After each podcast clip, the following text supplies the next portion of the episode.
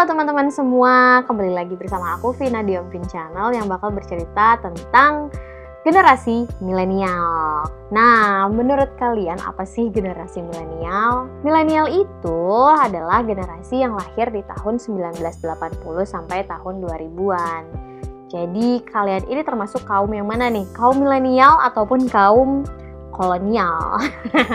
Bercanda ya kolonial. Ngomong-ngomong tentang generasi milenial, banyak yang beranggapan kalau milenial itu sering yang namanya easy come, easy go Maksudnya adalah kalau gajian itu gajian rata-rata habis dalam satu bulan tanpa bisa menabung ataupun tanpa bisa menyisihkan uangnya sebagian untuk masa depannya dia. Lurus-lurus aja gitu nggak ada nggak ada nabung nggak ada namanya menyisihkan uang sebagian untuk investasi ataupun hal lainnya gitu. Bener nggak sih? Gini aja deh daripada pembahasannya panjang lebih baik kita bahas aja fun fact mengenai milenial saat ini. Oh ya, kalau mau subscribe, boleh banget loh. Sebagai awalan, kita pelajari yuk bagaimana sih sifat-sifat milenial saat ini. Yang pertama adalah kaum milenial itu dekat banget dengan dunia internet, gadget, dan juga sosial media.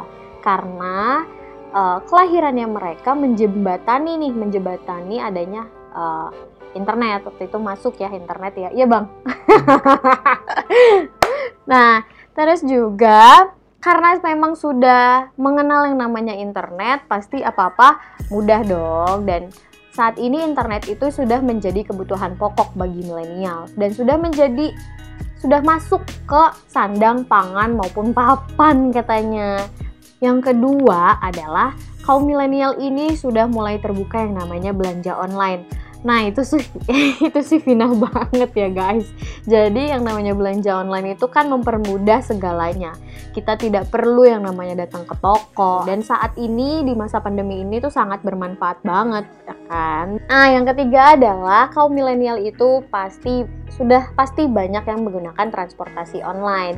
Kalau kalian lihat nih ya di kota-kota besar di Jakarta terutama itu pada hijau-hijau semua, itu adalah transportasi online. Aku pun juga memakai transportasi online, jadi memang kaum milenial itu sudah yang namanya melek digital. Tapi bagaimana kalau soal kebijakan keuangan? Apakah milenial itu masih buta? Hmm, menurut Vina sih enggak ya, nggak buta-buta banget kok tentang uh, kebijakan keuangan ini. Walaupun cenderung orang-orang merasa kalau kaum ini itu uh, cenderung konsumtif, order makanan, belanja. Nah, itu tuh yang tadi Vina bahas ya kan, karena sudah melek digital itu. Tapi nggak juga kok, makanya kita bahas sekarang. Deretan studi ungkap kebanyakan milenial sudah melek terhadap produk keuangan Total awareness mereka terhadap produk keuangan hampir merata di semua produk. Total awareness-nya keseluruhan mencapai 785% yang artinya setiap satu orang memiliki pengetahuan terhadap hampir 8 produk keuangan. Produk keuangan yang paling diingat dan yang paling dipahami oleh milenial adalah tabungan, sekitar 79,8%. Sangat jauh lebih tinggi dibandingkan dengan produk yang lain.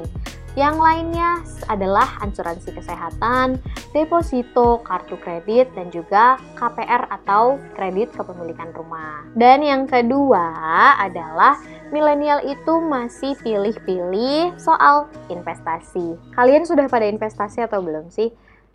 Masih belajar? Sama kok kayak Vina, makanya belajar di Umpin Channel ya. Jadi, ketika berbicara tentang kebijakan keuangan, rasanya tidak lengkap jika tidak berbicara tentang investasi. Pada masyarakat modern, investasi telah menjadi kebutuhan penting untuk masa depan. Penting banget loh, serius deh. Apalagi pada generasi yang menginjak usia dewasa dan baru memiliki keluarga.